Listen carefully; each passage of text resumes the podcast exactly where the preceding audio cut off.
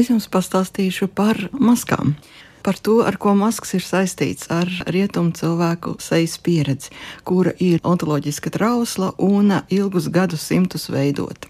Dažāda veida maskas, medīgu maskas, kara maskas, maģiskas izcelsmes maskas parādījās jau vēlīnijā akmens laikmetā, bet kas šīm maskām ir raksturīgs? Šīs maskas ir domātas kā savas identitātes maiņa. Tas nozīmē, ka cilvēks uzliekot masku, it kā maina savu būtību, maina savu identitāti.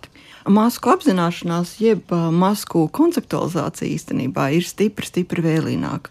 Mēs parasti domājam, ka viss sākās senajā Grieķijā, kad senie grieķi sāka valkāt teātris maskas. Bet lieta tāda, ka senie grieķi teātris maskas neapzinās kā atšķirīgas no sejas.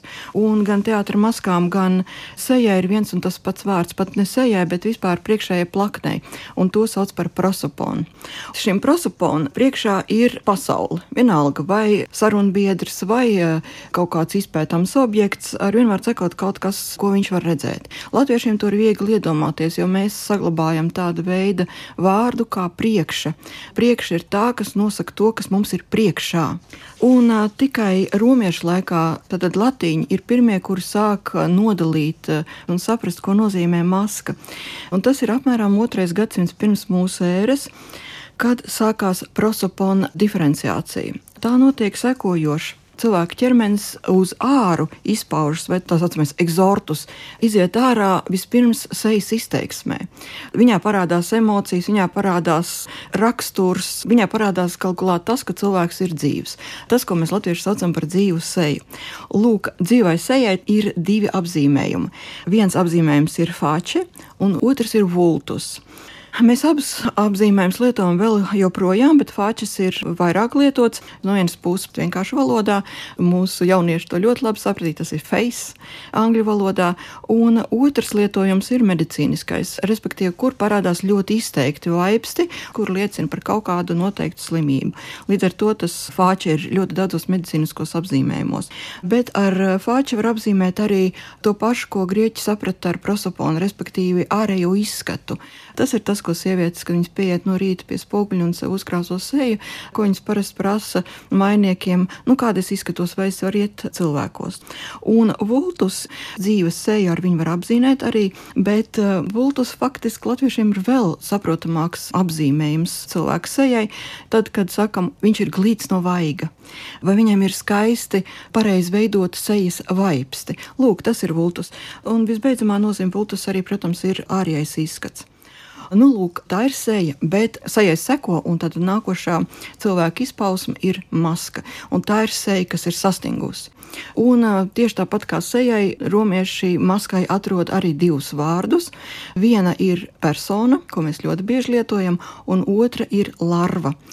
Ar larvu apzīmē viņai ir mazliet tāda negatīva konotācija. Viņa velk uz tādu kā ģindeni, uz tādu mirušu veidojumu, bet ar larvu apzīmē arī teātris, aktieru maskas, kuras ir sastingušas. Personas savukārt, ko mēs šodien ļoti bieži lietojam un pavisam dažādos veidos, personas izcelsme ir saudabīga un jocīga persona ir nākusi no mirušiem kultiem. Un to latīņu pārņem no etrusku abadiem rituāliem, izmantojot vārdu ferzu. Ferzu ir etruskiem tāds kā nāves dēmons, līdzīgs kā, piemēram, persifona tas ferzu pārtop par personu, par izteikti uzliktu masku vai izteikti uzliktu sastingušu seju, kas ir cilvēkam, un romieši to vairāk domāja tādā sociālā nozīmē. Kaut arī viņiem pirmo reizi parādījās teātra masku apzināts lietojums. Masku personas veidā lieto ļoti dažādi no šī laika. Pirmais ir lingvistiskais lietojums. Mums ir pirmā persona, tā ir tā persona, no kuras nāk. Tas eksortus izēja ir pirmā, tad kurš runā. Otrā persona ir tā, kura klausās un kur pārņem stafeti, kur arī var pārtapt par pirmo personu. Un trešā persona ir tā persona vai personas cilvēki, kuri nav redzes laukā, kuri nav redzami, kuri ir ārpus mums. Tad uh, persona sāk lietot arī jurisprudencē, jo romiešu tiesībās ir ļoti izteikts dalījums lietās un personās, in rem un personam. Un persona sāk lietot arī kā filozofisku refleksijas objektu. Bet neskatoties uz ļoti plašo šī vārda lietojumu un e, izplūšanu dažādās sfērās, nedrīkst aizmirst, ka persona tomēr ir mirusī seja un patiešām mirusī seja burtiskā nozīmē. Un tāpēc neatkarīgi no tā, ka mums ir dažādas sociālās maskas, mums ir dažādas teātras maskas, ar kurām mēs parasti domājam, maskas nozīme visvairāk izplatīts tomēr ir nāves maskas. Seja kā mirusi seja. Un Eiropā faktiski līdz kādam 17. gadsimtam Francijā un arī sporādiski Anglijā izmantoja nāves maskas un galvenokārt karaļi, nu, īpaši Francijā tas bija raksturīgi.